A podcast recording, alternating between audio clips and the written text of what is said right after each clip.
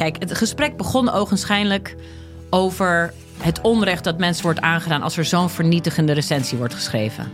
En wat dat met mensen doet. Ja. Daar leek het gesprek over te gaan. Maar gaandeweg, en dat is dankzij goed redactiewerk van mijn eh, redacteur destijds, blijkt dat die test niet deugt. Via podimo.nl slash gonzo luister je de eerste 30 dagen gratis naar Podimo. podimo.nl slash gonzo. De strijd om de miljoenen van Siewert van Liende is losgebarsten. Zowel de staat als zijn stichting eisen de mondkapjeswinst terug. Maar dat die opbrengst in ieder geval niet thuis hoort bij Van Liende, daarover kan toch eigenlijk geen twijfel bestaan. Hoe kon het zo ver komen? Dit is het. We hebben beet. En als Siewert het geld teruggeeft, kunnen wij dit schandaal dan eindelijk loslaten? Je hoort het in de Mondkapjesmiljonairs, exclusief bij Podimo. Ga naar podimo.nl slash mondkapjes.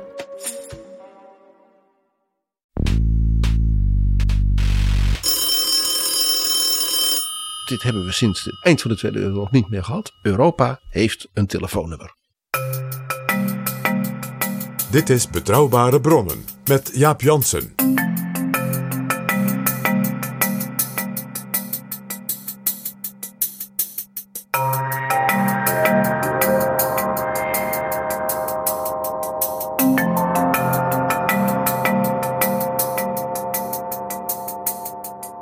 Hallo, welkom in Betrouwbare Bronnen, aflevering 299. En welkom ook PG. Dag Jaap, 299. Het is bijna een eh, jubileumnummer. Daar moeten we even bij stilstaan volgende keer. Zullen we dat doen? PG, we gaan het hebben over Europa.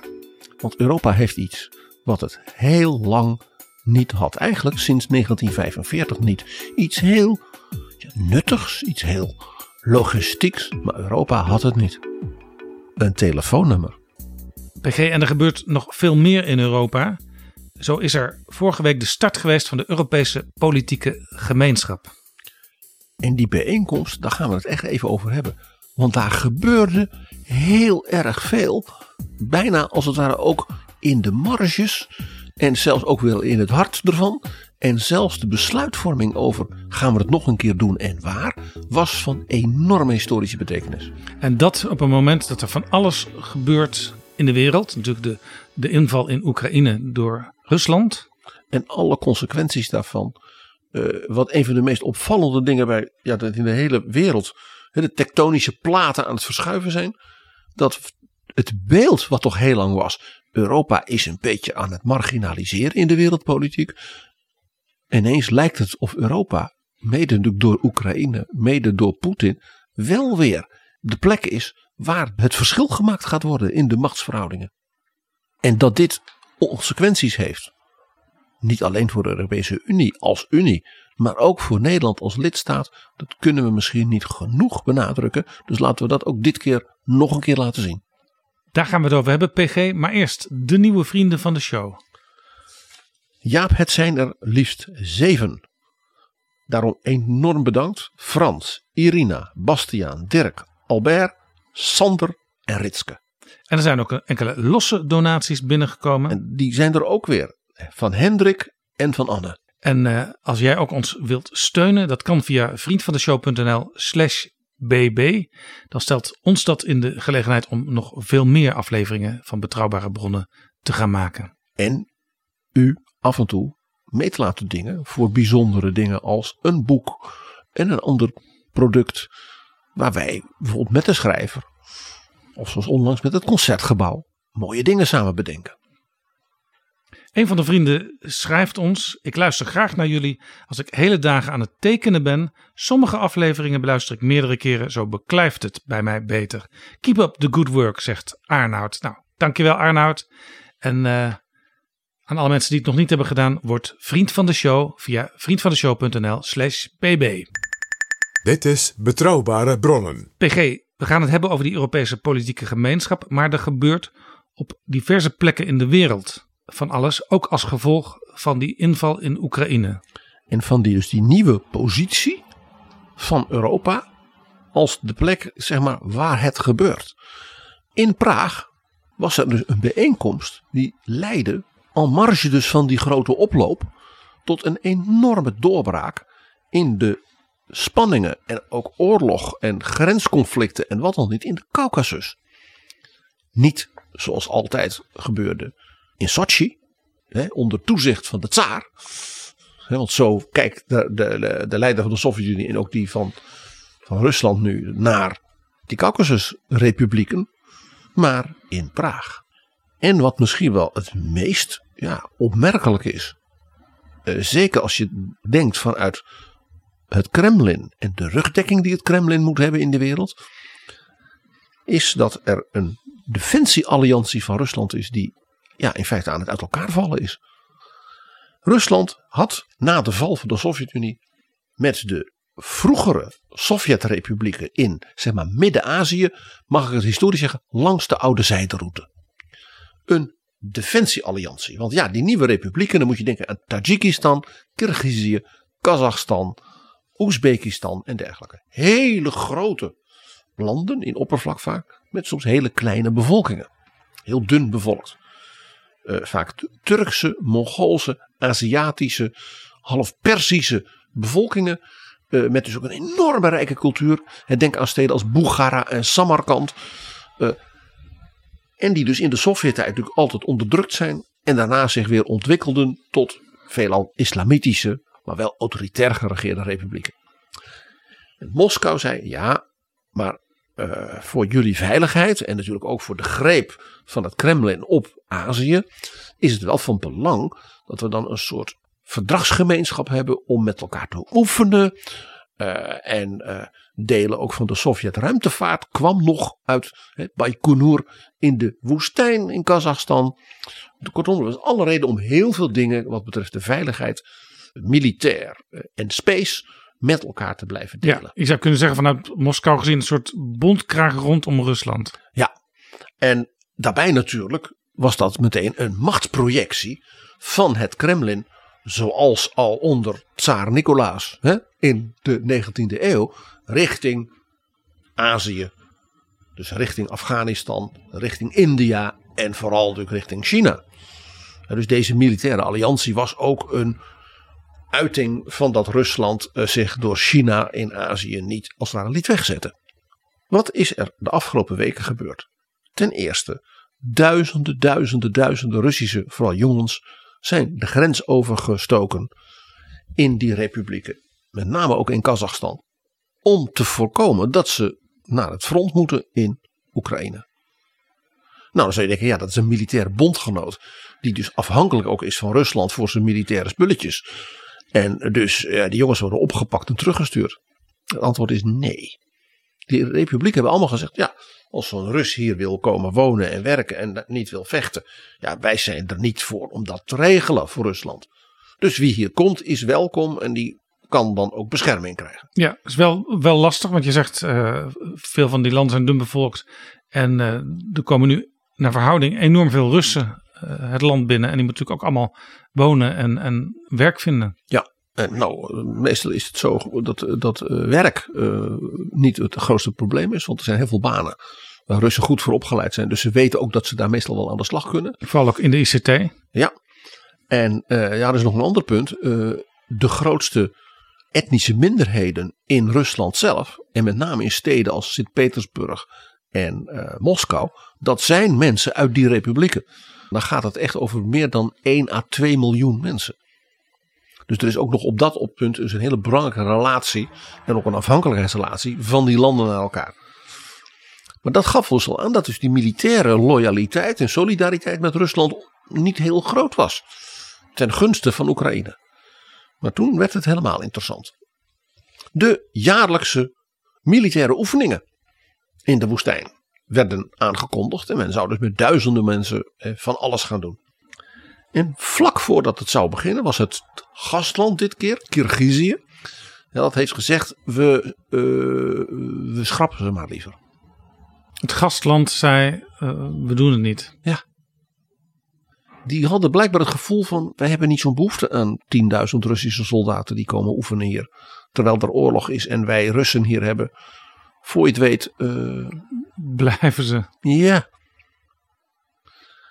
En toen bleek dat ook die andere zeg maar, lidstaten van deze defensiealliantie zeiden, nou dat is eigenlijk best een goed idee, want we hebben het ook druk en het kost allemaal een hoop geld. Uh, laat me niet doen, we slaan het over. Ja. Dus de Russische troepen, die dus niet aan het front in Oekraïne waren, maar als het ware, ik zal maar zeggen, op weg waren naar Kirgizië voor die oefeningen, die stonden daar nou ja, een beetje in hun hemd. En ja, die hadden dus nu niks te doen. Ja, langzamerhand is Belarus met Lukashenko zo'n beetje de enige bondgenoot nog die uh, Poetin over heeft. Ja, maar daar zeg je iets. Want dit betekent, je zou bijna Emmanuel Macron citeren. De defensiealliantie van Rusland in Midden-Azië is brain dead. ja, wat hij ooit zei over de NAVO. Ja, nou, je kunt een hoop zeggen. Op dat punt heeft Emmanuel Macron geen gelijk gekregen.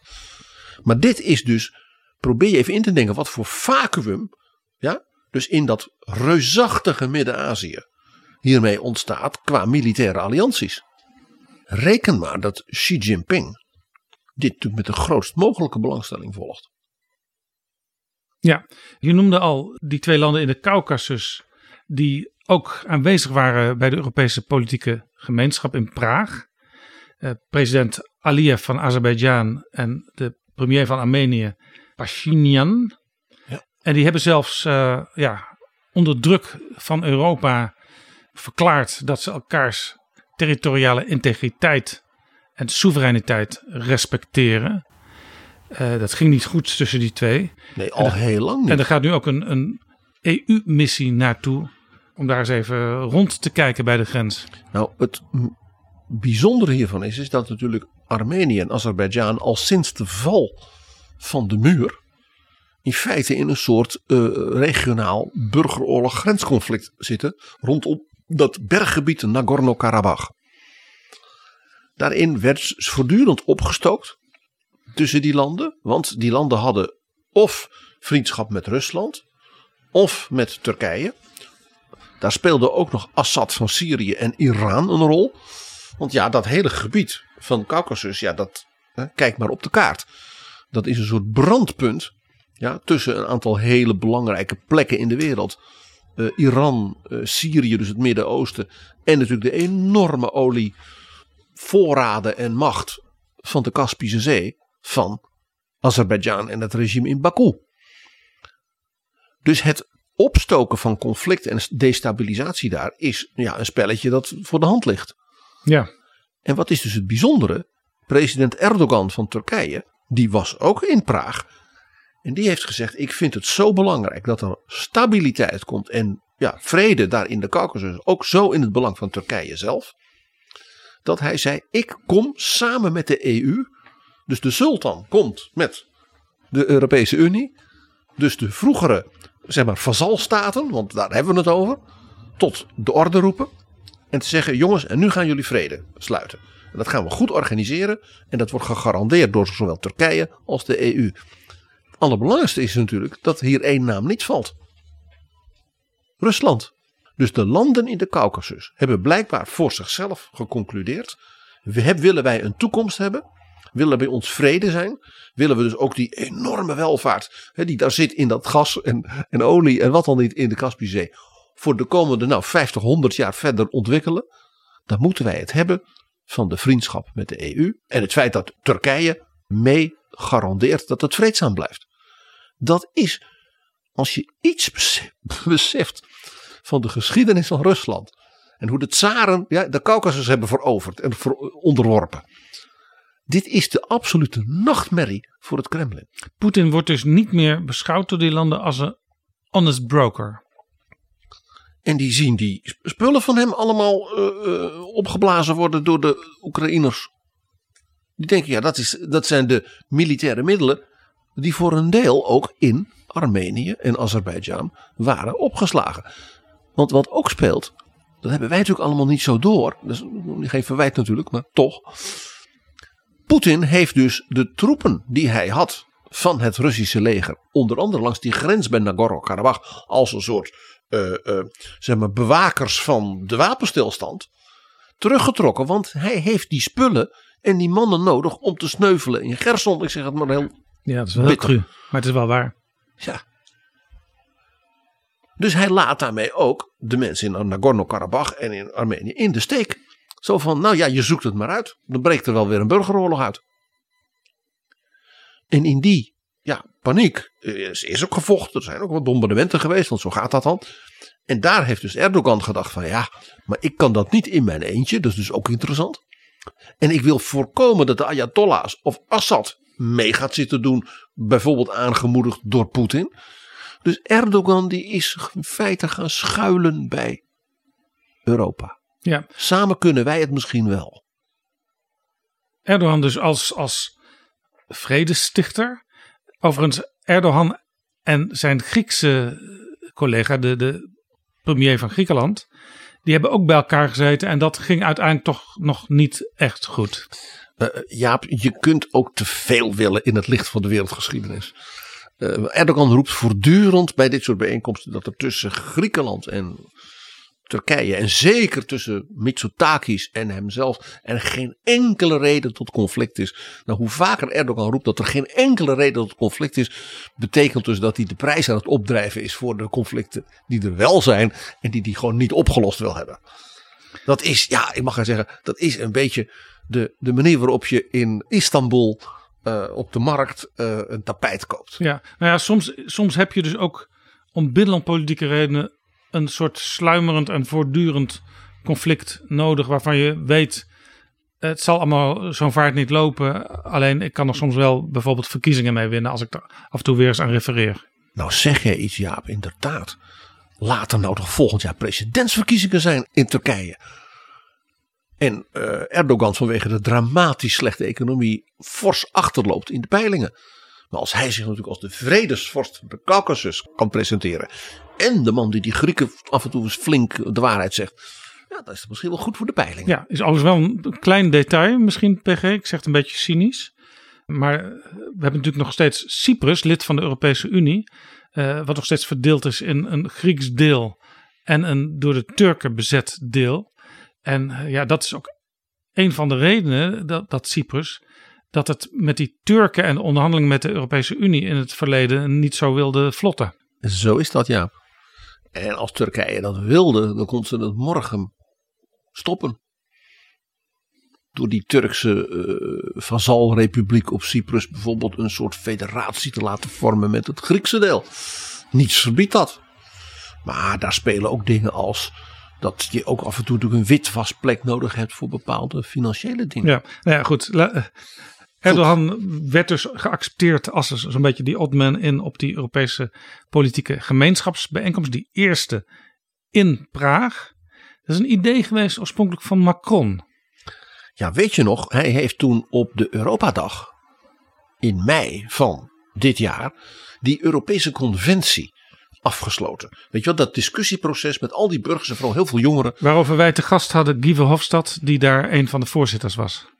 En die dat enorm zat aan te jagen. En die zei van we moeten hele gedurfde conclusies. En Macron heeft als een van zijn conclusies gezegd. We moeten misschien ook wat grotere, ja, andere formats van hoe we in Europa dialoog met elkaar voeren. We hebben de formele dingen, dat is ook goed. Het Europees Parlement, nog beter. We hebben de Europese Raad, we hebben de Europese Vrijhandelzone, ja, we hebben Schengen. Maar dat is heel veel dus vaak formele dingen. En die heb je ook nodig als je als soevereine landen met elkaar samenwerkt. Maar hij zei, we zijn daardoor misschien wel te veel naar binnen gekeerd. Dus hij zei, er zijn heel veel landen die eigenlijk bij ons horen. Die op allerlei manieren ook meedoen met Europa, maar we komen nooit met z'n allen bij elkaar. Wel in een bepaald segment of in een bepaalde formaliteit, maar nooit van, ja, hoe zien jullie de toekomst? Hoe kunnen, zijn er niet onderwerpen die een aantal landen zeggen, dat zouden wij graag samen willen doen? En zo kwam hij op het idee van de Europese politieke gemeenschap. Bij dus landen die zeiden: Ik vind het de moeite waard om met de lidstaten van de EU samen ja, dus een nieuw soort dialoogplatform te ontwikkelen. En laten we maar zien waar dat naartoe groeit. Ja, dus... Die zijn dan welkom. Nou ja, jij weet ook dat er toen hier en daar wel werd gezegd: Macron houdt van dat soort bijeenkomsten. Dan kan hij daar schitteren een beetje van gun hem dat speeltje. Het Frans voorzitterschap doet zo zijn best. En hij moet die conventie toch met een beetje grandeur afronden. Dat waren de eerste reacties. Zo, wat moeten we, een soort praatkasteel. Ja, het was overigens oorspronkelijk een idee van François Mitterrand. Het was een idee van Mitterrand, dus men had ook zoiets van ja, dat is wel van heel lang geleden. En dat was een beetje de ondertoon. Maar ja, sinds mei is er in de wereld en zeker in Europa toch weer het nodige gebeurd. Niet alleen in de Caucasus, maar ook in de Caucasus. En wat was dus het effect? In Praag, in het Tsjechisch voorzitterschap, komt dus eigenlijk iedereen waarvan je denkt die zou misschien mee willen doen, die komt en vrijwillig, behalve de niet uitgenodigde Alexander Lukashenko en Vladimir Poetin. Het was een beetje als de begrafenis van de Queen. Ja, ik kijk even naar het lijstje PG. Daar waren aanwezig de 27 EU-lidstaten plus 17 andere landen. En als ik even alfabetisch langsloop. eh, Albanië, kandidaat lidstaat. We noemden net al Armenië, Azerbeidzjan. Bosnië en Herzegovina, kandidaat lidstaat. Eh, deze week eh, is ook aangekondigd door de Europese Commissie dat ze Bosnië willen voordragen. Nu echt officieel als eh, nieuw land. Georgië was er ook. Ook een belangrijk land in de, in de oude Sovjetsfeer zou je kunnen zeggen. Ja, in de Caucasus. En laten we niet vergeten, het vaderland van Jozef Stalin.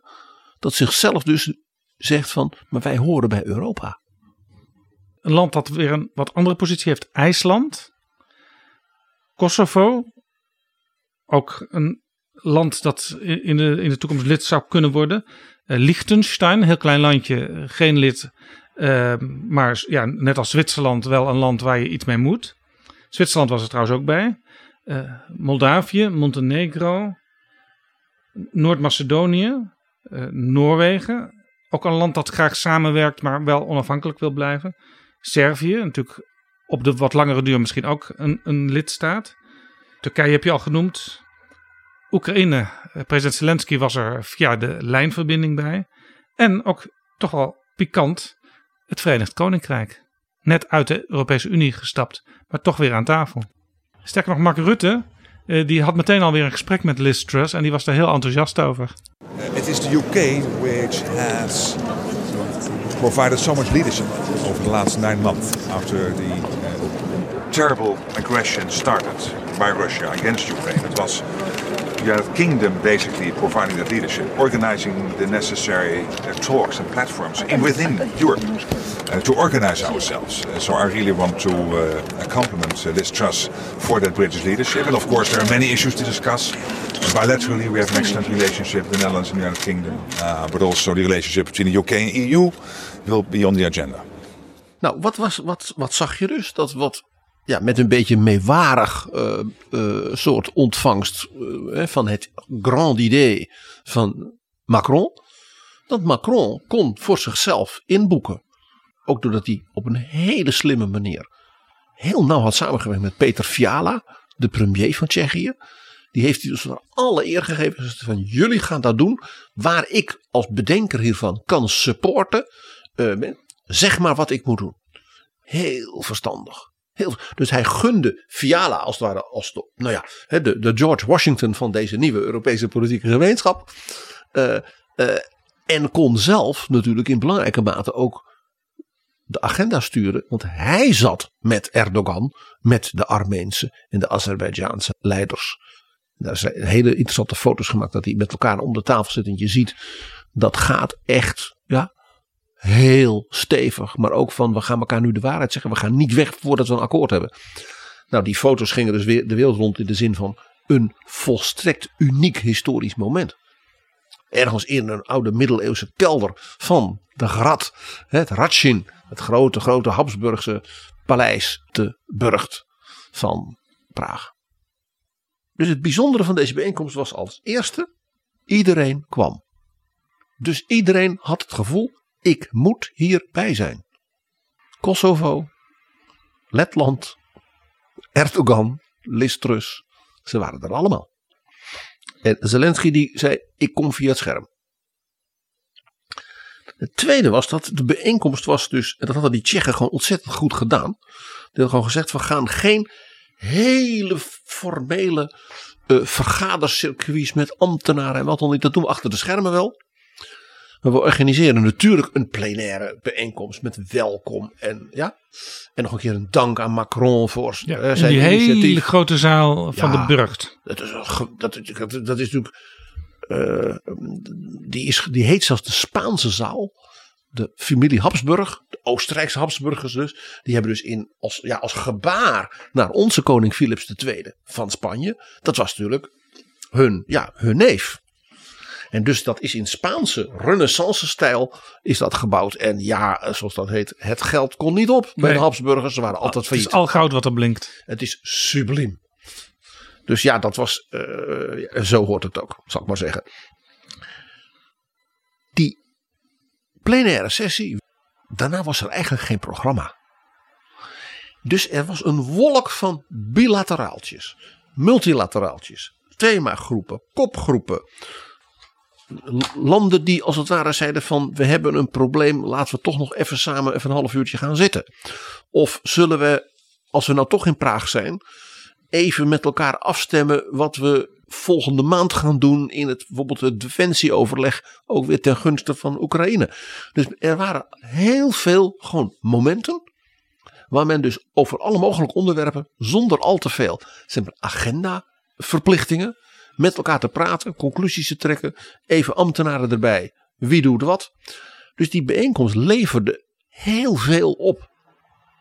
Niet alleen in de Caucasus, al was dat in de Caucasus natuurlijk zonder enige twijfel van de grootst mogelijke historische en geopolitieke Ja. betekenis. Maar het wachtwoord was informeel. Informeel en veel. Als je nou toch met 44 landen bent, ga dan ook. reken maar eens uit voor een beta hoeveel combinaties er denkbaar zijn van 44 Ja. landen voor gesprekken. Ja. Dus Macron en Scholz en Rutte die maakten bijvoorbeeld van de gelegenheid gebruik om een nieuwe denktank te annonceren. Daar zaten dan weer andere landen niet bij. Dus ook, en dat was dus ook niet erg. Ja, denktank van Luc van Middelaar, die daar ook eh, heel trots rondliep. Was op een gegeven moment zel- zelfs dat eh, Mark Rutte vroeg aan Emmanuel Macron: Ken jij Luc van Middelaar? En toen zei hij: Ja, die ken ik. Ja, toen dacht ik natuurlijk kent hij die Macron is een leerling van Jacques Delors. En wij weten van Luc van Middelaar dat Jacques Delors niet bepaald een fan van zijn werk was. Nee. En je zag ook eh, dat Macron en, en Luc van Middelaar eh, elkaar nog eh, meerdere malen schouderklopjes gaven op die bijeenkomst. Echt letterlijk. Ja, dus, de, de- nou, maar dit, de, deze beschrijving, Jaap, is daarom heel goed. Want dat, dat kan dus alleen in een topconferentie waar iedereen is. En er tegelijkertijd dus een, een hoge mate van, van ongeordende bende is. En Ja. waar iedereen met elkaar. En waar je dus ook heel makkelijk even kunt zeggen van over een kwartiertje gaan we even op het dak van dit gebouw eh, die Brusselse denktank openen, officieel.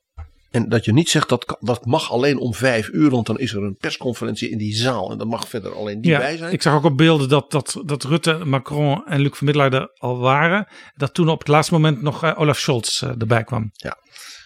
Dus Jaap, waar deed dit het nou het meeste aan denken, deze bijeenkomst?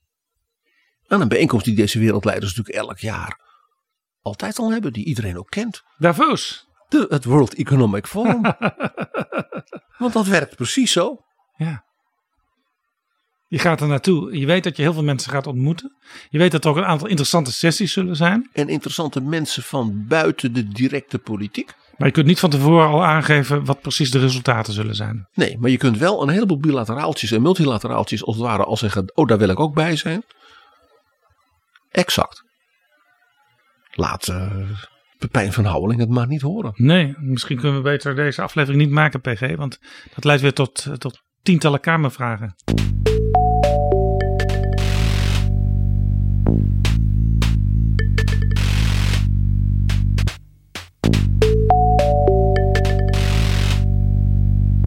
Er was nog iets waar ik toch even op wil wijzen. Want ja, in de, je weet, in de Brusselse politiek moet je ook altijd een beetje letten op. eh, zeg maar, en eh, dat soort dingen van who is up en who is down in de machtspolitiek. Praag was niet goed voor Charles Michel. De voorzitter van de bijeenkomsten van de Europese regeringsleiders.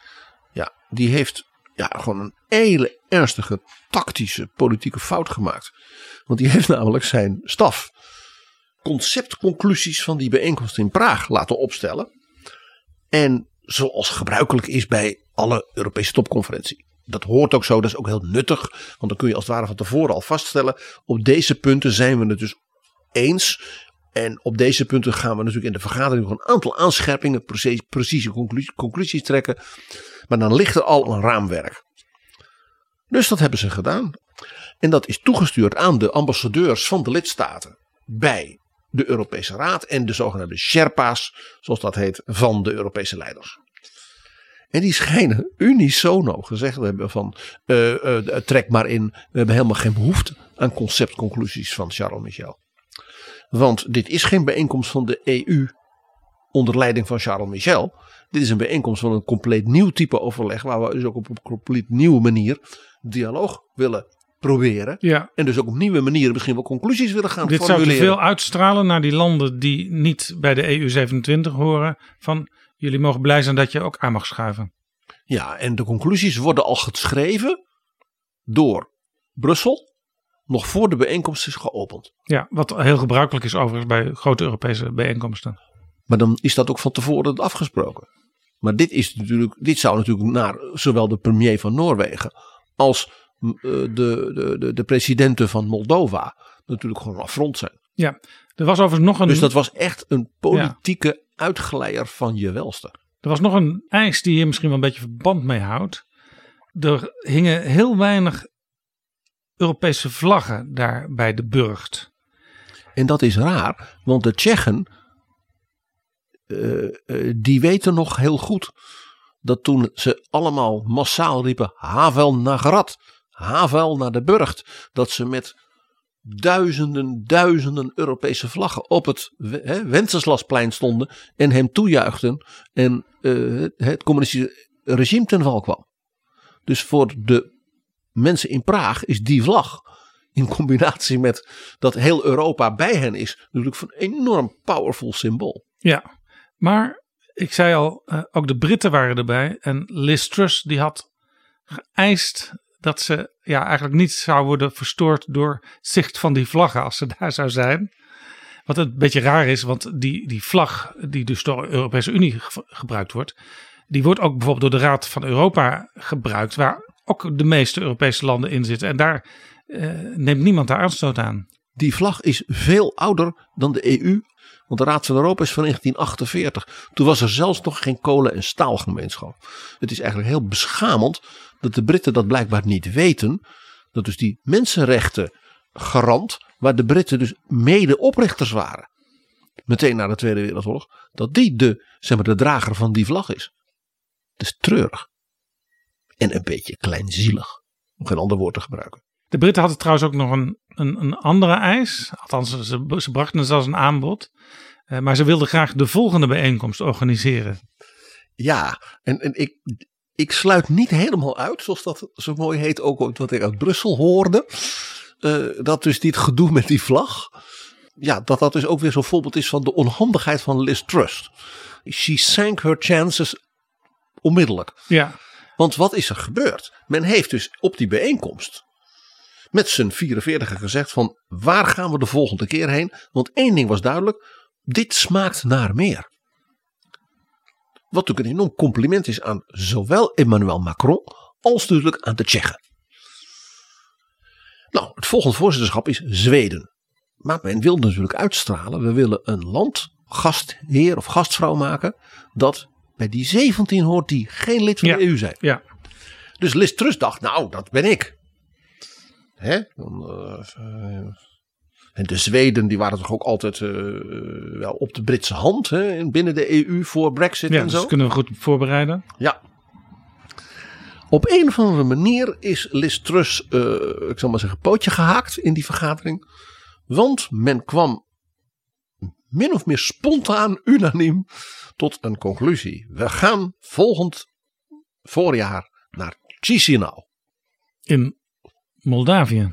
We gaan naar de hoofdstad van dat hele kleine, hele arme, onder enorme politieke en militaire druk staande Moldova. Het kleine buurland van Oekraïne. En buurland Roemenië. van Roemenië. Van president Klaus Johannes, die natuurlijk nog altijd een grote man is met een groot moreel gezag in Europa. Dit is natuurlijk ook een signaal dat de EU zegt volgend jaar, volgend voorjaar 2023, is Moldova nog steeds vrij. Het leeft en het hoort bij Europa. Ja. Je blijft er met je poten vanaf, is Vladimir Poetin. Dit is overigens een land, eh, bedenk ik nu ineens, sinds afgelopen maandag en dinsdag die, die bommen vielen in Oekraïne. Wat ook uh, evenzeer bereikbaar is vanuit Rusland als ze zoiets zouden willen. De minister van Buitenlandse Zaken van Moldova heeft een formeel protest ingediend. Omdat een serie van die verwoestende raketten die op Kiev werden afgestuurd over Moldova vlogen vanuit de Zwarte Zee. Vanuit een aantal van die marineschepen die dat soort raketten afvuurden. Dus Moldova zegt ons luchtruim is gebruikt, misbruikt om onze Oekraïense broeders te vermoorden. Ja, dan ben je dus een klein landje. Je bent nauwelijks een leger, maar je bent niet laf. Je bent niet bang. Overigens, na Moldavië wordt het Spanje dat de host is van de bijeenkomst. En dan, maar pas als vierde, de Britten. Ja, want Spanje is in de tweede helft van 2023 het land dat de EU voorzit. En ja, je kunt tegen een trots en groot land als Spanje natuurlijk niet zeggen: Nou, jullie zitten voor. De Tsjechen mochten in Praag het krijgen. Maar jullie krijgen hem niet. En dus, dat kan niet. Dus dit werd toch dan wel weer een triomf in die Spaanse zaal van de Burgt voor het land waar het naar genoemd is. Zo is dat. Ik zou bijna zeggen, ze moeten die, die bijeenkomst dan maar in het Escoriaal van Philips II houden. Ja. Ach, die enorme kerk waar hij ook begraven is. Maar ik weet niet of men dat niet al te barok vindt. En dan dus daarna, dus in 2024, de Britten. Ja, en mijn zesde zintuig, mijn, nou, jij zal wel zeggen, jouw, PG, jouw politieke vilainiteit, die zegt mij nog iets. Die Europese leiders, die hebben toch allemaal gezegd, tuurlijk, tuurlijk Lis. Nee, Moldova, dat is vanwege het politieke gebaar naar het Kremlin en naar de hele wereld. Dan, Spanjaarden, kun je dat niet afpakken. En dan doen we weer een land dat geen lid is van de EU. En dat is dus het Verenigd Koninkrijk. Dus dan komen we naar Londen. En ze hebben allemaal achter de hand tegen elkaar gezegd. En tegen die tijd ben jij al lang geen premier meer. Precies, dan is de kans groot als je tenminste de opiniepeilingen ziet. En die zijn echt extreem op het moment. Dat er een Labour-regering aan de macht is. Ja, dat een Sir Keir Starmer prime minister is. En als hij helemaal slim is, organiseert hij dan de European Political Community in Edinburgh. En dan ontvangt hij ze allemaal in Holyrood Castle. Hè, maar de Queen zo prachtig lag opgewaard. Ja, ja. En dan is ook de vrede met Schotland weer getekend. Dat, hoop je dan. Het is natuurlijk wel leuk. Want ja, uh, uh, dat Moldova is natuurlijk een heel arm land. Heeft heel weinig mogelijkheden. Dus je zou hopen dat nou, dat is misschien ook iets van Wopke Hoekstra. Uh, dat bijvoorbeeld een land als Nederland zegt: wij gaan Moldova even flink helpen bij de organisatie, de logistiek, uh, de technologie en alles. Ja, ze hebben een jonge vrouw als premier. Zij ze was in Rotterdam. Partijgenoot van Wopke Hoekstra. En zij was in Rotterdam. Ja. Op het EPP-congres uh, in het voorjaar. En zij was daar een. Zij werd daar als een heldin en een ster binnengehaald. Want het is een zeer charismatische spreker. Ze spreekt fantastisch Engels. Dus als gastvrouw is ze ja, natuurlijk gewoon top. Dus dat zou iets leuks kunnen zijn voor Nederland om te zeggen: laten wij Moldova een beetje helpen. En ja, jij weet dat er één Nederlander is die heeft in Betrouwbare Bronnen al gezegd dat hij wel een zwak plekje voor Moldova heeft. Dat is Jaap de Hoop Scheffer. Moldova is buitengewoon kwetsbaar natuurlijk. Uh, een land wat mij, wat mij na aan het hart ligt. Niet alleen omdat ze er lekkere wijnen maken. Er is in Moldova een hele beroemde wijnkelder. Die is heel oud. En die hangt vol met foto's van ongeveer alle wereldleiders die daar al zijn ontvangen. En dus ook foto's van Jaap de Scheffer als secretaris-generaal van de NAVO.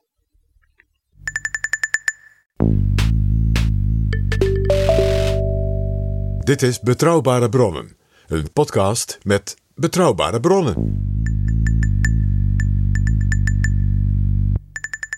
En we praten over de recente ontwikkelingen in Europa. die we één, twee jaar geleden niet hadden kunnen voorzien. Nee, uh, letterlijk ook een jaar geleden zouden we de gedachte dat alle Europese landen bij elkaar komen in Praag. En daar besluiten, en over een half jaar doen we dat in Chisinau. Ook als een symbool van ongelooflijke solidariteit en eensgezindheid en ook een beetje bijna provocatieve lef nooit hebben kunnen voorspellen. En ja, dat betekent dus dat deze nieuwe realiteiten Hè, wat ik al eerder zei, die tektonische platen die in de wereld verschuiven. Waarbij Europa toch weer het brandpunt is van de wereldpolitiek. Anders dan veel mensen dachten, ja, dat wordt de Zuid-Chinese zee. Hè? Veel minder toch. Dit hebben we sinds het eind van de Tweede Wereldoorlog niet meer gehad. Europa heeft een telefoonnummer. Ja, want dat was altijd de klacht hè? vanuit Amerika. Het wordt toegeschreven aan Henry Kissinger. Als ik wil weten wat het standpunt van Europa is, eh, wie moet ik dan bellen? Ik heb geen telefoonnummer. Niemand neemt op. Overigens, dat wordt altijd aan Kissinger toegeschreven. Maar hij zei tien jaar geleden in een gesprek met Radek Sikorski, de minister van Buitenlandse Zaken van Polen in die tijd. I'm not sure I actually said it, but it's a good statement, so why not take credit for it? Now, on this, on this notorious statement, does Europe have a single telephone number? I think it was actually invented by the Irish foreign minister describing a meeting with me, but I take credit for it. It's, uh, uh, I, I'm not sure I actually said it, but uh, it's a good statement, so why not take credit for it? Zo kennen we Henry weer. Als het intelligent is en, het- en ik heb het misschien niet gezegd, dan zou het waar kunnen zijn. Overigens, in 2012, toen hij dat zei, op die bijeenkomst in Polen, toen zei hij ook, het was de tijd van Catherine Ashton als de buitenlandvrouw van Europa. Zeg maar wat eh, Josep Borrell op dit moment doet. Toen zei Kissinger, Now we have a kind of a telephone number, but it isn't really absolutely clear if America wants to deal with Europe. Who exactly the authorized voice of Europe would be, because there is uh, Lady Ashton in the Commission, uh, then there the uh, it. the other spokesman, and of course they're the national foreign ministers. But uh, most importantly, on many issues there does not really exist a unified European, especially strategic approach. It's relatively easier now to get answers to technical questions. But I would say that even if a telephone exists, and even if they answer it, the answer is not always uh, very clear. dus ja, het was nog steeds een beetje aanmodderen volgens Kissinger. Jaap Kissinger mopperde daarover. Omdat toen president Nixon, nu precies 50 jaar geleden, werd herkozen. Hij voor zijn tweede termijn dacht, nou moet ik een nieuwe start maken. Daar was ook alle reden toe, want de Vietnamoorlog ja, liep op zijn end. Nou, beter gezegd, men was aan het onderhandelen tot een soort wapenstilstand. Dus hij had ook eindelijk ruimte in zijn agenda om zich met andere zaken bezig te houden. Dat hoopte hij. Hij had natuurlijk bij de oude Mao Zedong ja, de samenwerking met China getekend. hè, De grote opening in het vroege voorjaar van eh, 1972. En was daarna de eerste Amerikaanse president in het Kremlin geweest. En had met Leonid Brezhnev de wapenakkoorden over de kernbewapening getekend. Ja, die Nixon die kon wel wat hoor. dat, dat heeft natuurlijk zo'n slechte naam, maar dat is niet helemaal zonder reden. Maar als je in een half jaar als president eh, dit voor elkaar krijgt. Nou, die verkiezingsoverwinning was dan ook episch. En de president zei: Ik ga nu tijd vrijmaken voor onze bondgenoten die ons altijd hebben gesteund. En dat werd the Year of Europe, 1973. En dat werd een totale flop. Want het bleek dat die Europese leiders, die zaten helemaal niet te wachten op Richard Nixon in hun nek. Eh, die hadden allemaal de voorbije jaren met Vietnam en ook de demonstraties daartegen. En ja, Amerika was niet populair meer in Europa. Nee, nee. En, en, en Nixon zelf ook niet. En ja, toen dat jaar eenmaal begon. En dus dat die telefoon maar niet werd opgenomen, zal ik maar zeggen. Ja, toen begon ook de Watergate-affaire voortdurend op te spelen. De echte zeg maar ook wat conservatieve bondgenootregering die Nixon had, was natuurlijk die van Ted Heath van de Tories in Engeland. Ja, dat was misschien trouwens wel een reden extra voor Nixon om zich op Europa te richten. Want de Britten die eh, werden toen lid van de Europese Unie. En op datzelfde moment stortte natuurlijk die regering van Heath in met de stakingen en het feit dat er twee dagen in de week nog stroom was. En ja, de winter of discontent en alle andere ellende. Dus die Engelse regering zat ook niet te wachten op een staatsbezoek van, van Nixon bij de Queen, terwijl er geen stroom was in het paleis. Om het maar zo te zeggen. Nou, de president van Frankrijk was niet meer de door Nixon natuurlijk zo eindeloos bewonderde Charles de Gaulle. Nee, dat was Pompidou. Dat was Pompidou. De Gaulle was afgetreden in 69 en overleden in 1970. Pompidou had niet zo heel veel met Nixon en met de Amerikanen. Die was heel erg Europees gericht. En in de loop van 73 werd duidelijk dat Pompidou stervende was. Die had uh, kanker en uh, ja, die werd geopereerd en die, ja, die, uh, die, zag er heel, die zat helemaal vol hè, en dergelijke. Die kon bijna niet meer letterlijk en figuurlijk niet meer bewegen.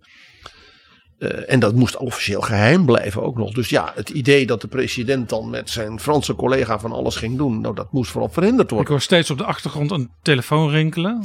Maar die wordt maar niet gewoon. Nou, dan heb je nog in Bonn Willy Brandt. Die werd door Nixon verafschuwd. Dit vond hij een linkse dromer. En die vond hij onbetrouwbaar als het ging om de Sovjet-Unie.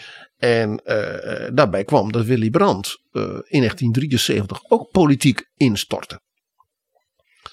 Uh, ook door grote economische klappen in Duitsland, werkloosheid. En Brandt had gewoon, die was uitgeregeerd. Die kon niet meer, ook fysiek. Uh, had erg veel uh, drankproblemen ook. En had problemen in zijn huwelijk. Nou ja, kortom, dat was een hele sombere tijd ja, voor Willy En PG, dat moeten we niet vergeten. Oorlog. De oliecrisis die, die brak in dat jaar uit 73. Want de Arabische landen deden hun op Yom Kippur, de grote verzoendag hè, waarvan de gedachte was, heel Israël is dan aan het bidden. Uh, uh, ja, dan gooien we de, de, de, de, bommen op en dan gaan we oprukken en dan, ja, dan verslaan we dat verschrikkelijke Israël. Nou, dat lukte bijna, maar toch niet. Hè, mede dankzij het kabinet Den Uil, laten we dat nooit vergeten. En het effect was dat dus die vernederde en verslagen Arabische heersers zeiden, nou gaan we die westerse landen pesten. Vooral dat Holland hè, en Amerika. Dus toen kwam de olieboycott.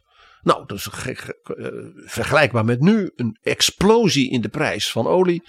Uh, dus enorme, enorme effecten op de inflatie, de werkloosheid en de economie. Allemaal onderwerpen waar niks mee bezig moest zijn. Bovenop Watergate. Dus het idee dat de president van Amerika een soort gestructureerde, intensieve band met Europa ontwikkelde, mislukte volledig. Het had dus al veel langer intensief kunnen zijn als dat allemaal niet gebeurd was in 73. Als de agenda van Nixon zoals hij het zelf voor zich zag was uitgevoerd. Die afstemming tussen de Verenigde Staten en Europa is een van de slachtoffers van de Watergate-affaire. En ik heb daar een heel mooi voorbeeld van, want de eerste republikeinse president na Nixon, die als het ware dit weer oppakte, dat was de partijvoorzitter van de Republikeinse Partij onder Nixon, George Bush senior. Ik heb alles verteld dat die met Jacques Delors de afspraak maakte: wij moeten gewoon twee keer per jaar face-to-face, ja. los van de zeg maar Mitterrand, Kohl, Thatcher en Lubbers, informeel met elkaar praten.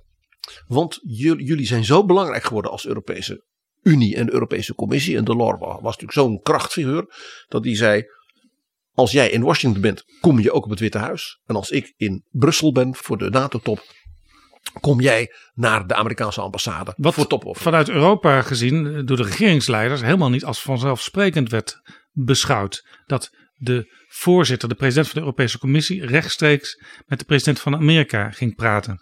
Dat was in politiek, diplomatiek opzicht een sensatie.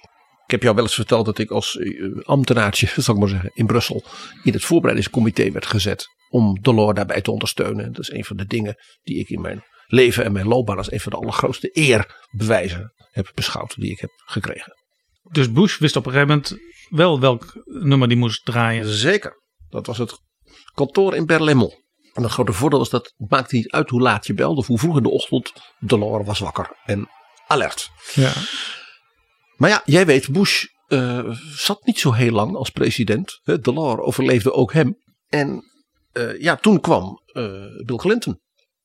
En Bill Clinton die zei, ja, dat Brussel, dat was ingewikkeld. Bovendien, ik heb een vriend in Europa. Die houdt net als ik van lekker eten. Helmut Kool. Precies. Dus Bill en Helmut, dat was een heel apart duo. De, de- denk aan die schitterende persoonlijke toespraak van Bill Clinton bij de dood van Helmut Kohl toen in Straatsburg. Ja, prachtig, prachtig.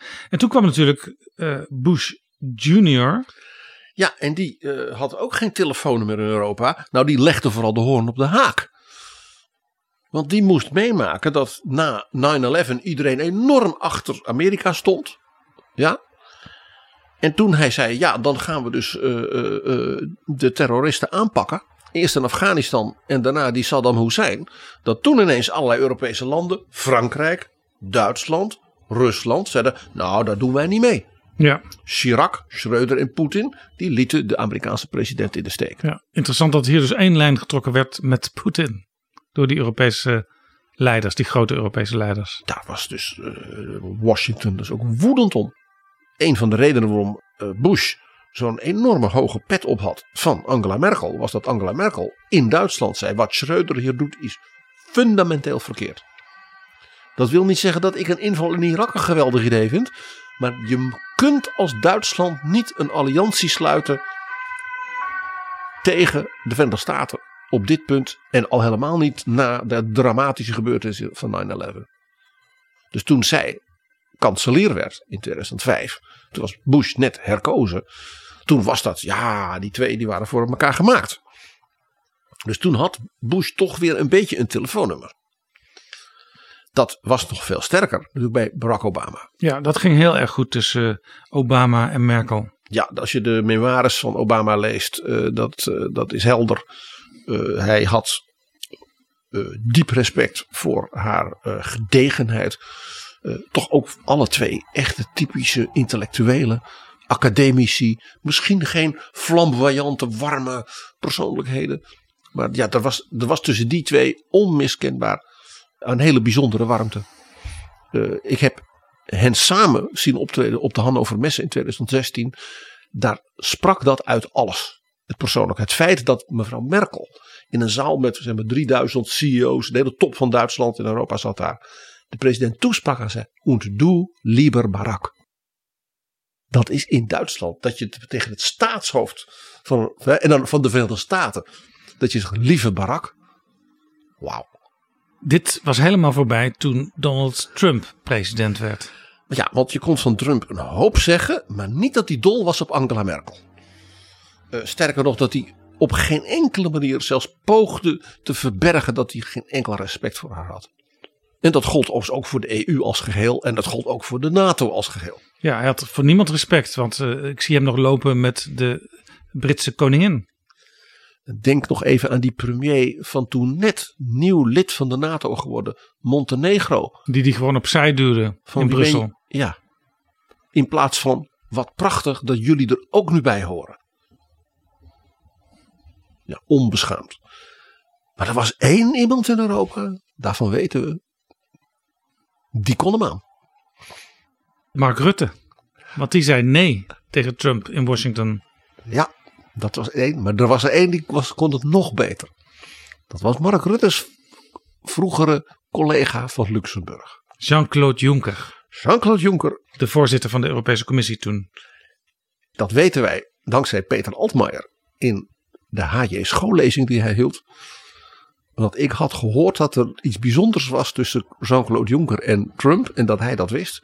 En ik kreeg toen van Arendo Joustra de kans om een vraag te stellen aan Altmaier. En ik heb dus die vraag gesteld. En Altmaier vond dat zo leuk dat hij die anekdote kon vertellen. Dat hij die in geuren en kleuren is gaan vertellen. Namelijk dit. Eh, Er dreigde dus een handelsoorlog tussen de EU en Trump. Met eh, straftollen op aluminium en staal en wat al niet. En, eh, en dat Europa, dat was, eh, ja, die stelen ons geld. Trump, zoals je net zei, China bad, ja, maar Europe bad. Dus mevrouw Malmström, dat was de Zweedse eurocommissaris. die moest die onderhandelingen doen. En dat vond hij natuurlijk een linkse uh, vrouw. En dus was een sociaaldemocraat. En, en die zit, wil, wil mijn geld afpakken. Dus dat was niet de juiste persoon om tot een compromis te komen. Jean-Claude Juncker die heeft gezegd: Ik ga zelf naar de president. Heel slim. Ik ga bij hem belet vragen. En Juncker heeft toen aan zijn ambtenaren gevraagd: Is er niet iets wat ik cadeau kan doen? Wat voor Trump de moeite waard is. En toen heeft een hele slimme ambtenaar die gezegd: Nou, er komen natuurlijk binnenkort weer primaries. Als u nou eens gewoon zegt dat die erg precieze importtests uh, uh, op de sojabonen uit Iowa, dat dat allemaal wel veel eenvoudiger kan. En dat je er gewoon uh, één, twee keer per jaar een kleine test en verder kunnen ze gewoon zo naar Europa. Dan hebben we daar geen belemmeringen meer op. Jean-Claude Juncker heeft dus bij Trump gezegd van ik begrijp dat dat voor de boeren in het Middenwesten en dat u, dat, daar heeft u zorgen over dat die mensen hun boterham niet verdienen. Ik ben bereid om die ambtenaren van mij met al die tests om daar een eind aan te maken. Minder bureaucratie, dat zal u ook aanspreken, Mr. President. In het bijzonder voor de boeren, de sojaboeren in Iowa. Kijk, zo doe je zaken vanuit Europa met lastige regeringen. En daar ging nog iets aan vooraf, PG. En dat vertelde Altmaier aan jou in het vragenrondje bij die HJ schoollezing in 2018. Uh, mijn naam is PG Kroeger. Ik heb een vraag aan u over de familie Droemf uit Karlstad in de Pfalz. Oh. U kent ze. ja. Die zijn verhuisd naar Amerika en een van hun nazaten is nu president. Ja. U heeft met hen stevig onderhandeld over tarieven en dergelijke. Dat leek erop, in elk geval, eerste ronde succesvol. Wat is uw geheim? Dat er geen geheim is. Ik, zal, ik zal het uitleggen. Uh, ik, was, uh, ik, ik, werd benoemd minister Economische Zaken op, ehm, op woensdag. En ehm, ik had met Angela Merkel en met eh, enkele collega's over de noodzakelijkheid om in contact te treden met de Amerikaanse regering op het allereerste moment waar het mogelijk was. En dan probeerde ik mijn collega Wilbur Ross, die is 81 jaar oud, miljardair en minister van Econom Econom Economische Zaken, om hem te bereiken. Daarin ben ik geslaagd op donderdag.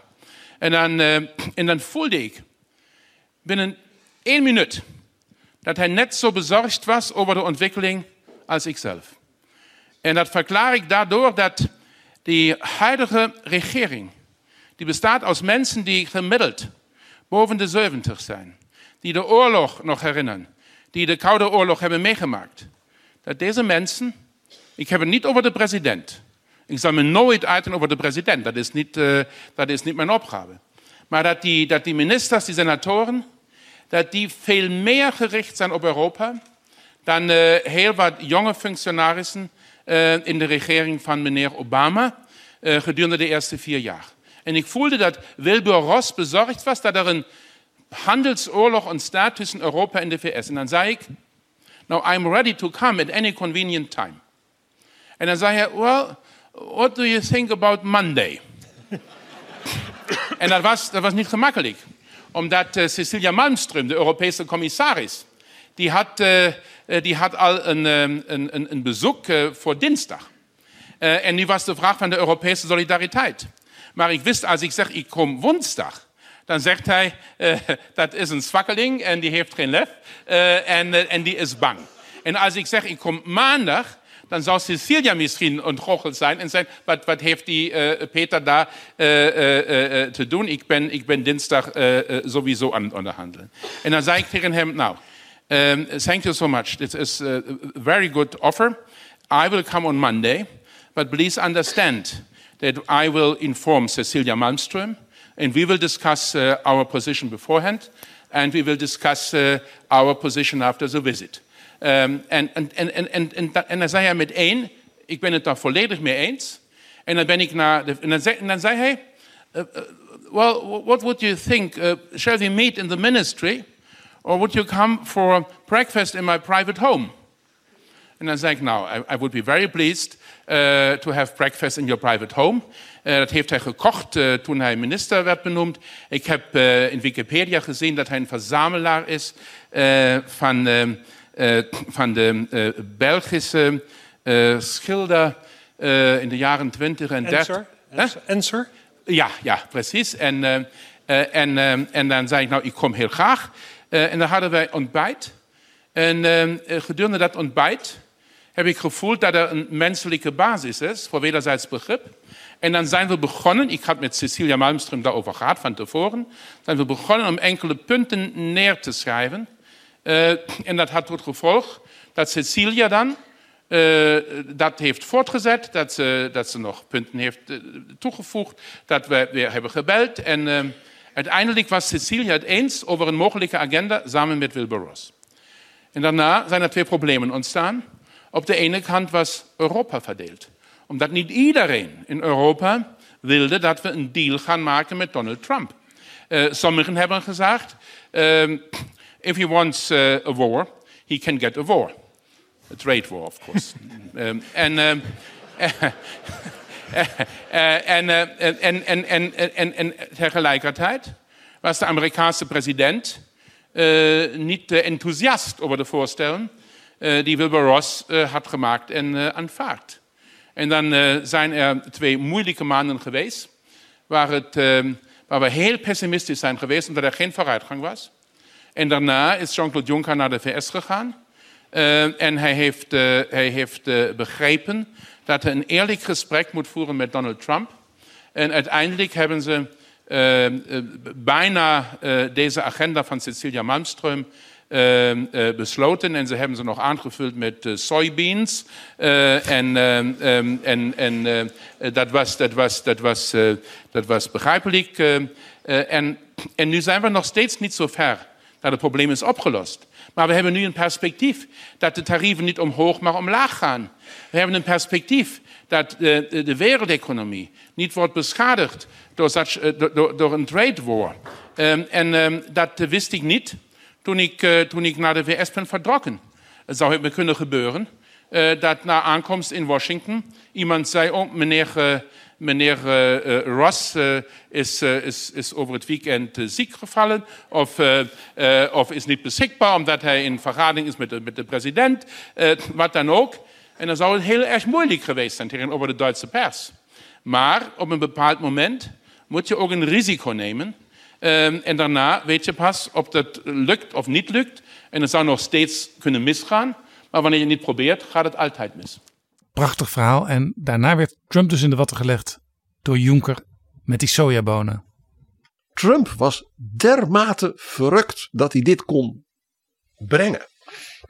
Dat hij heeft gezegd, we gaan tekenen. En toen hebben ze een tekenceremonie gedaan. En Jean-Claude Juncker heeft toen gedaan wat niemand ooit deed. Daarvoor of daarna. Die heeft Trump, zoals hij gebruik was te doen, gezoend. die foto's, dat stukje YouTube, Jaap, dat moeten we maar in de show notes van deze betrouwbare bron hangen. Want je ziet een volledig bevriezende en wanhopig kijkende Donald ja, Trump. Hij heeft smetvrees, hij, Trump. Hij heeft smetvrees en ja, dit soort Zuid-Europees gedrag, ja, dat is hij niet gewend. En nu hebben we Joe Biden. Ja, en Joe Biden is eigenlijk de eerste president sinds Bush senior die gewoon zelf heeft gezegd: ik wil een telefoonnummer hebben en als dat niet wordt geregeld, dan doe ik het zelf wel. Doet mij dus heel erg denken aan wat Bush senior met Delors deed. Ja, en jij zei Delors was altijd bereikbaar. Uh, Ursula von der Leyen is natuurlijk ook altijd bereikbaar, want zij woont zelfs in een studiootje in het gebouw van de Europese Commissie. Dus dag en nacht is zij daar. Als Joe belt, neemt Ursula de telefoon op. Ik heb gehoord uit de best denkbare bronnen in Brussel, speciaal voor deze podcast-editie, dat Joe Biden zegt: Als ik iets geregeld wil krijgen in Europa, dan bel ik met Ursula. Dus de, de prachtige term: She gets stuff done, folks. Tegen zijn staf. En ja, wij weten, Biden houdt van mensen die dingen voor elkaar krijgen. En als hij dan gewoon kan rechtstreeks kan bellen, dan weet hij, dan hoef ik niet via allerlei schijven, ja, en met papier en wat dan niet. Following a, television, a telephone conversation uh, President Biden held with uh, European Commission President Ursula von der Leyen, and in alignment with the decision by our European allies, the United States will join them in sanctioning President Putin and Foreign Minister Lavrov and members of the Russian National Security Team. I expect we'll have more specific details out later this afternoon. En Ursula von der Leyen, die heeft dat apparaat in haar vingers. En die regeringsleiders, die accepteren dit. Blijkbaar net dus als toen met Delors. Dat is opmerkelijk, want uh, zij was eigenlijk een uh, voorzitter, een president par accident. Want het Europees Parlement had hele andere plannen. Maar dus ook op dit niveau, op wereldniveau, staat zij haar vrouwtje. Good morning. Today I'm proud to once again be standing together with President von der Leyen as we announce a new uh, groundbreaking initiative between the European Union and the United States. First, we're coming together to reduce Europe's dependence on Russian energy. Als je nagaat hoe ze binnenkwam en waar ze nu staat, dat, uh, dat is wel iets hoor. Een beetje ook weer, hè, we hebben het vaker al gezegd, stiekem, mede dankzij Vladimir Poetin. Mr. President, dear Joe, the transatlantic partnership stands stronger and more united than ever. And we are determined to stand up against Russia's brutal war. This war will be a strategic failure for Putin. Als je getest wordt en die test bewijst ja, dat jij er staat, ja, dan verdien je ook natuurlijk het compliment. Ja, want er zijn uh, even zoveel leiders die in zo'n crisisperiode zelf de hoorn van de haak gooien. Nou ja, daar speelt natuurlijk nog een aantal dingen bij. Uh, net als een beetje als Nixon in 73 heeft natuurlijk ook Biden om met omstandigheden te maken. Voor de Amerikanen is het natuurlijk buitengewoon zorgelijk, om geen ander woord te gebruiken, dat en Angela Merkel en Mario Draghi natuurlijk weg zijn. Want dat waren natuurlijk twee ja, garanten voor stabiliteit, wijsheid uh, en besluitvaardigheid. Ja. ja. En ja, Macron is herkozen. De Amerikanen onthouden altijd één ding: NATO is brain dead. Zij zullen de Franse president nooit echt helemaal vertrouwen als bondgenoot. Hij heeft zijn eigen bom, zijn eigen raket, zijn eigen veto in de Veiligheidsraad. Frankrijk heeft altijd een eigen strategie, los van de Verenigde Staten en ook los van de NATO. En ja, uh, uh, uh, Olaf Scholz, nou daar werd tegen mij gezegd in Brussel, ja sorry. Olaf Scholz vinden ze besluiteloos, ze vinden hem zwak en ze vinden hem ja, vage prater. Ja. En daarbij komt, en dat was iets, daar schrok ik van. Ze zeggen, ja moet je eens horen, zijn leermeester is Gerhard Schreuder. Zijn hele omgeving is mensen van Gerhard Schreuder. Frank-Walter Steinmeier is van Gerhard Schreuder. De SPD heeft Gerhard Schreuder nog steeds in huis. De staf van, van, van Scholz, daar zitten allemaal Schreuder mensen. Ja, en Schreuder is natuurlijk gewoon het vriendje van Poetin. En ze zijn dus gewoon net zo bang als waar we nou, onlangs in onze editie over spionnen. Dat ze zeiden, wie weet hoeveel Gunther Guillaumes er van Poetin op dat kanslerambt zitten. Ja, zo had ik zelf eigenlijk nog niet tegenaan gekeken. Want ik dacht, Schreuder, dat is van het verleden. Dat is een beetje een raar element nog steeds, die vriendschap met Poetin. Maar inderdaad, uh, hij komt uit die school. En ze hebben hem niet verstoten. Was in die zin. En, en, en, ja, en dat is natuurlijk, ja, Joe Biden is, is, wordt volgende week 80. Hè? Die man zit al 40, 50 jaar ja, in de toppolitiek, buitenland, internationaal en veiligheid van de Verenigde Staten. Dus die heeft nog dit soort herinneringen. Ja, overigens, jij zegt ze vinden Scholz zwak, besluitloos en weinig helder. Daar moet ik vanuit Duitsland zeg maar één kanttekening bij maken. De Duitsers komen al van heel ver in deze Oekraïne-crisis. Vinden de Duitsers vooral zelf. Ja, maar daarom zeg ik het ook vanuit Duitsland. Uh, want het is heel lang ja, eigenlijk taboe geweest om een hoofdrol te willen spelen op het wereldtoneel. Maar dat doen ze dus ook nu en niet. Nu probeert Scholz het af en toe, maar ja, dan schikt hij toch ook vaak terug. Dan zie je mensen om hem heen uit met name de Groenenpartij, die meeregeert. Die zijn daar veel, veel, veel strakker en veel doortastender in. Ja, en Ursula von der Leyen is natuurlijk echt de Duitser die wel die rol op het wereldtoneel speelt. En dat is natuurlijk voor Scholz ook wel een beetje pijnlijk. En dan wordt het contrast ook zo groot. Ze is dan ook nog van de CDU. Ik bedoel, ja, hij heeft, wat dat betreft heeft hij alles niet mee. Hij heeft, mevrouw Beerbok heeft hij. een jonge vrouw vanuit de Groenen. Die op het internationaal toneel zich behoorlijk laat horen. Hij heeft Habeck, ook nog van de Groenen. En dan heeft hij Ursula von der Leyen. Waar hij natuurlijk alleen maar van kan zeggen dat hij haar geweldig vindt en steunt. Maar ondertussen, je hoort hem natuurlijk grommen. Ja, Overigens, eh, von der Leyen, die klacht hoor je ook wel eens in Brussel. Die, die trekt heel veel naar zich toe. Ook waar andere commissarissen eh, dingen willen doen. Ehm, haar vicepresident is natuurlijk Frans Timmermans. Maar dat is ook interessant, want het duo Joe-Ursula heeft natuurlijk een tweede duo, zeg maar, naast zich. En dat is John Kerry en Frans Timmermans. Ja, John Kerry die zich ook in de Amerikaanse regering bezighoudt met klimaat. Ja, en natuurlijk dat doet met een heel groot en ruim persoonlijk mandaat. Want een man met zijn zeg maar, CV, ook in de Democratische Partij, die zet je daar niet neer alleen maar voor pro forma. En dat is een enorme doener. Eh, en hij en Frans Timmermans, dat weten wij, Jaap, die bellen elkaar tenminste elke week heel uitvoerig en stemmen alles af. En dat lijkt dus erg op Joe en Ursula. En dit is voor mij ook de verklaring waarom von der Leyen zo'n bijzondere intensieve duo-relatie heeft met Vladimir Zelensky. Ja, ze is zelfs al ter plekke geweest in Kiev. En heeft haar de allerhoogste onderscheiding eh, van uit de middeleeuwen eh, van Oekraïne ge- geschonken. En dat is natuurlijk omdat de Amerikanen, ik denk gewoon dat dat eh, Blinken en Biden gewoon tegen hem hebben gezegd: stem voortdurend af met Ursula von der Leyen, want dat doen wij ook. Ga niet in die Europese krochten met al die verschillende lidstaten. Praat ook niet met die mensen, maar handel met Ursula. Kijk, daarbij speelt dat de EU voor de Amerikanen een ongelofelijke quantum leap heeft gemaakt in geloofwaardigheid. En dat is te danken aan de Finnen en de Zweden. Toen Finland en Zweden zeiden: wat hier gebeurt in de Oekraïne. En ook de dreiging met raketten vanuit Kaliningrad. Is voor ons definitief het moment om te zeggen: wij worden lid van de NATO. Waarbij de Denen ook nog in een referendum zeiden: wij gaan meedoen in de defensie, coördinatie en samenwerking van de EU. Ja, want de Denen zeiden oorspronkelijk, wij doen alles binnen de NAVO. En de defensie juist niet binnen de EU. Maar nu gaat dat gelijk op EU en NAVO. En dat is voor dat Noordse gebied en zeg maar, het hele Arctische gebied, waar deze landen natuurlijk zo dominant liggen, is dus voor Canada en de Verenigde Staten, de andere twee groten in het Arctische gebied ten, opzichte van Rusland, van de meest cruciale betekenis. En de EU is daardoor een geloofwaardige eh, defensiepartner geworden voor de Verenigde Staten.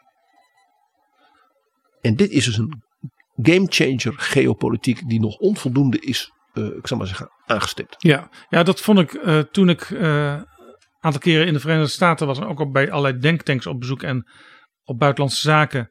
eh, lang geleden al. eh, vond ik wel een eye-opener. Dat de, de Amerikanen die zich echt met geopolitiek bezig hielden. Die hoopten juist dat Europa een veel grotere rol zou gaan spelen op het wereldtoneel. Het was helemaal niet zo wa- wat je soms wel zou kunnen denken vanuit Europa, vanuit Nederland. Eh die Amerikanen willen niet dat Europa zich te veel met dingen bemoeit. Nee, eh, ze hebben Europa juist, en ook als het gaat om buitenlandse zaken en eh, defensie, heel graag op hoog niveau erbij. Ja, en dan zeker op die geopolitieke plekken en momenten. Van je zegt van ja, daar concentreren zich de spanningen in de wereld.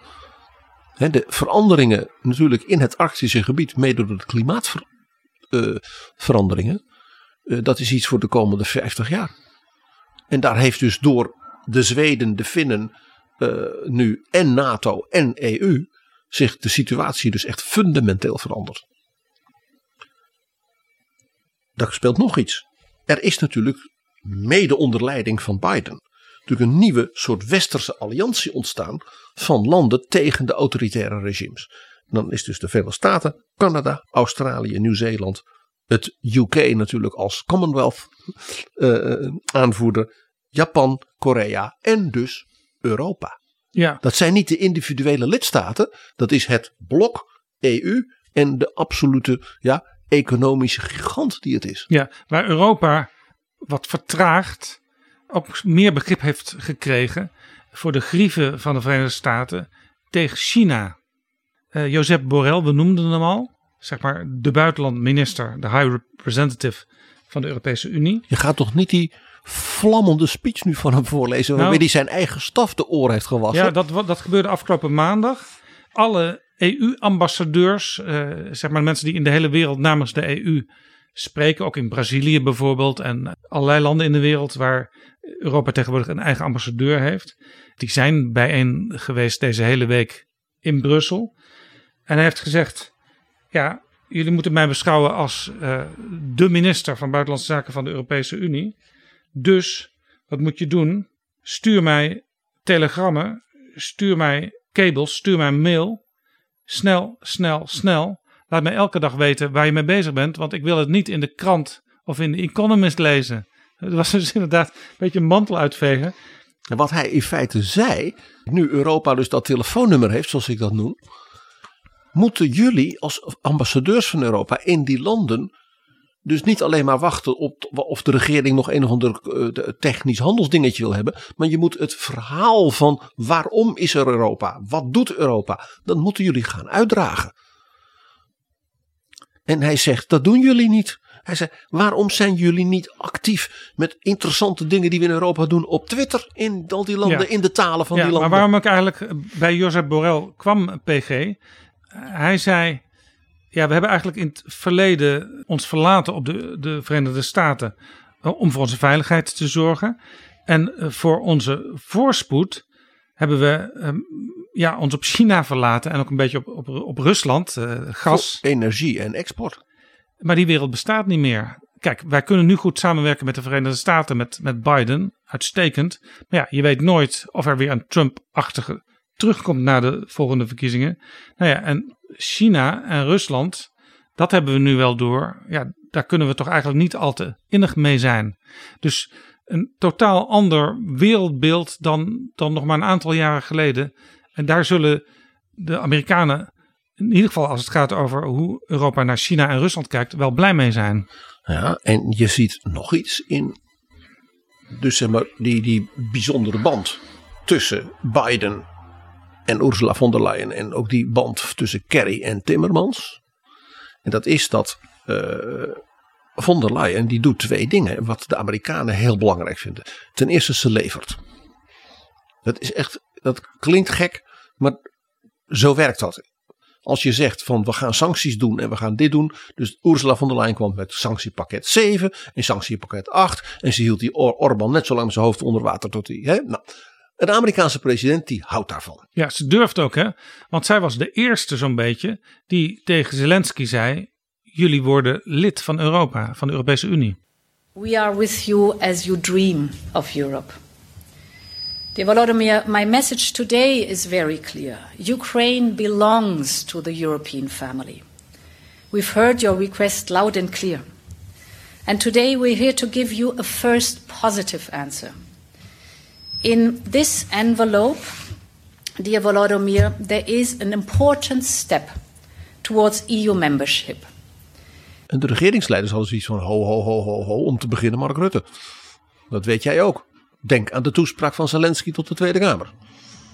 Dus Joe Biden die, die, die ziet haar handelen en die ziet haar leveren. Maar ze doet nog iets wat de Amerikanen belangrijk vinden. Dat is wat ik net zei. Die wereldwijde westerse alliantie. Haar toespraak, haar State of the Union over Europa ging over our values. Die ging over democracy.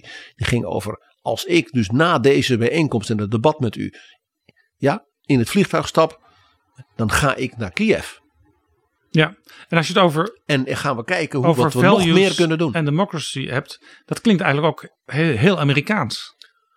En natuurlijk, dat sluit aan op zijn grote speech in Philadelphia. Tegenover autoritaire pretenties en de dreiging van autoritair bewind in democratieën. Dus Joe Biden en Ursula von der Leyen hebben ook een soort ideologische, zeg maar, verwantschap. En ik ga nu een hele rare vergelijking maken. Jaap, schrik niet. Ze levert, ze is ijverig, ze pakt aan en ze weet op een uiterst overtuigende, soms zelfs ook warme manier over waarden en idealen te praten. hey, zo iemand heeft Joe Biden in zijn regering gehaald. Mayor Piet Piet. Ursula von der Leyen is de Mayor Piet van Brussel. Hij was natuurlijk de tegenkandidaat, een van de tegenkandidaten binnen de Democratische Partij voor het presidentschap. Voordat Biden de nominatie kreeg. Ja, en Ursula was geen spitsenkandidaat. Werd het dus ook niet. Maar diezelfde eigenschappen, waardoor Mer Piet zo opvalt, vallen dus ook op. Hardwerkend, pragmatisch, maar wel met een idealistische insteek. En leveren. Hè? Infrastructure bill, overal in Amerika. We gaan iets aan die bruggen doen. We gaan, de, we gaan Amtrak. Nou ja, dan heb je natuurlijk het hart van Joe. We gaan wegen. We gaan infrastructuur, infrastructuur, infrastructuur. Het is een onverwachte vergelijking, PG. Mayor Pete in Brussels. Het is daarom leuk, denk ik, Jaap, om nog even aan te stippen dat mevrouw von der Leyen natuurlijk in haar commissie een aantal vrouwen en mannen heeft zitten die op terreinen actief zijn. Die toen zij aangesteld werden, voorgedragen door een lidstaat en door mevrouw von der Leyen zo'n brief kregen van dit ga jij doen. Ook niet konden weten dat zij in deze hele nieuwe ja, geopolitieke machtsverhoudingen zouden gaan werken. En dat zij mensen waren die ook als het ware achter zo'n telefoon zaten die gebeld kon worden. En dan wil ik er twee noemen. De eerste, de Franse eurocommissaris Thierry Breton. Onlangs ook bij de TU Eindhoven als openingsspreker van het academisch jaar. Geen toeval in Brainport. Want hij is bezig met de Europese Chips Act, zoals dat heet. Hoe maken we Europa zelfstandig, onafhankelijk bij de ontwikkeling van ICT en de daarvoor noodzakelijke producten. Ja. Maar hij doet ook de Europese ruimtevaart, de Europese defensie en alle zeg maar, industriële innovaties. Uh, waar we ook onder andere met zijn hoogste ambtenaar ja. uh, Roberto Viola over Thierry Breton, dus ook iemand met een telefoonnummer voor bijvoorbeeld Amerikanen. Natuurlijk. Want de onderwerpen die hij doet, zijn natuurlijk de onderwerpen die natuurlijk in het middelpunt van de, van de belangstelling en de brandhaard ook van de politieke en militaire conflicten in de wereld staan. En ik wil wijzen op mevrouw Jutta Urpilainen, de Finse eurocommissaris. Want die heeft iets heel bijzonders. Zij is niet de eurocommissaris voor de financiën. En jij weet dat dat toch eigenlijk bijna een soort abonnement was dat de Finnen kwamen met een van hun oud-premiers, hun oud-minister van Financiën, hun oud-minister van Buitenlandse Zaken. En die kreeg dan de post begroting en financiën. Want als je dat de Finnen gaf, dan kon je rustig slapen.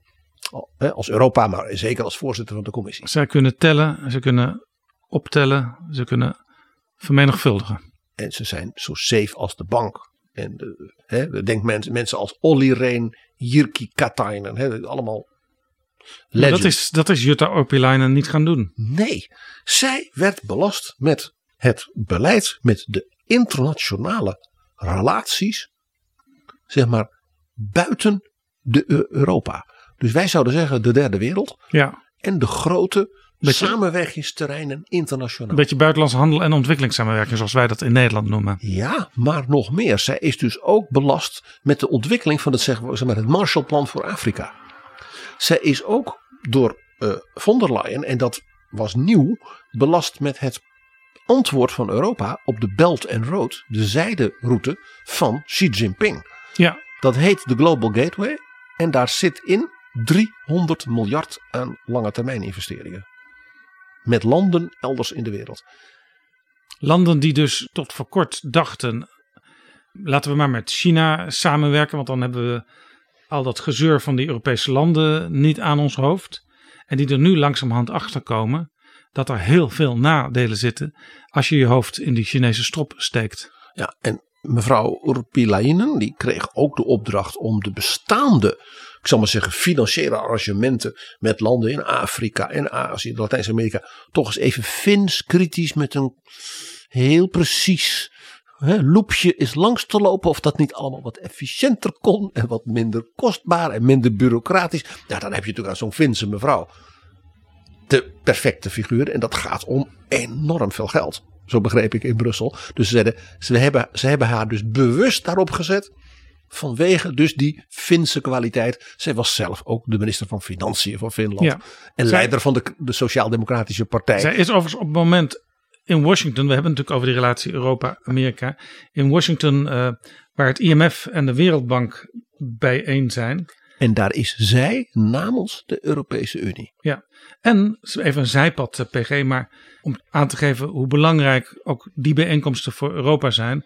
Ook een delegatie van de Commissie voor Economische en Monetaire Zaken van het Europees Parlement is daar op dit moment in Washington. En het mogen helder zijn dat de jaarvergadering van het IMF en de Wereldbank in de huidige uitermate kritische uh, uh, en zorgelijke situatie van de wereldeconomie, met de inflatie, met de energieprijzen, met een dreigende recessie, natuurlijk een van de belangrijkste vergaderingen überhaupt van dit jaar wordt. En daar is dus die in Nederland volstrekt niet bekende Finse mevrouw, die spreekt daar dus namens die 500 miljoen Europeanen. Ja, en daar zal ook uh, vanuit Nederland Sigrid Kaag zijn. En dan komen we meteen misschien bij de laatste vraag van, uh, van deze aflevering PG. Uh, wat betekent dit allemaal voor Nederland? Ja, dit betekent dat Nederland misschien toch nog scherper moet beseffen dat het als lid van de EU uh, op een veel hoger niveau in de wereld kan en als het wil ook moet gaan optreden. Dus Nederland zal met verwante landen binnen de EU misschien ook toch nog beter afspraken moeten maken. Waar zijn jullie goed in? Waar zijn wij goed in? Hoe brengen wij dus optimaal zeg maar, de Nederlandse kennis, de Nederlandse ervaring, de Nederlandse ambitie misschien ook op dingen op de agenda. Maar dan wel in het Europees verband. En PG, misschien dus ook buiten de Europese Unie in het kader van de Europese politieke gemeenschap. Jij noemde eerder al in dit gesprek Moldavië. Daar zou Nederland ook nog een speciale relatie mee kunnen ontwikkelen. Ja, en bijvoorbeeld dus die denktank. Waarvan Rutte met Scholz en Macron zei. Zullen we die Luc van Middelaar met een aantal andere hele slimme Europese denkers dus bij elkaar brengen. Dat dat dus initiatieven zijn waar Nederland zich dus in moet gaan ontplooien. Dankjewel, PG.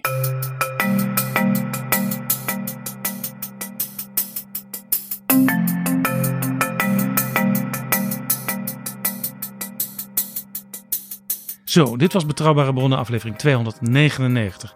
Deze aflevering is mede mogelijk gemaakt door de Europese Unie en uiteraard door de vrienden van de show. Wil jij ook vriend van de show worden? Ga dan naar vriendvandeshow.nl slash bb. Tot volgende keer, tot aflevering 300. Betrouwbare bronnen wordt gemaakt door Jaap Jansen in samenwerking met dag en nacht.nl.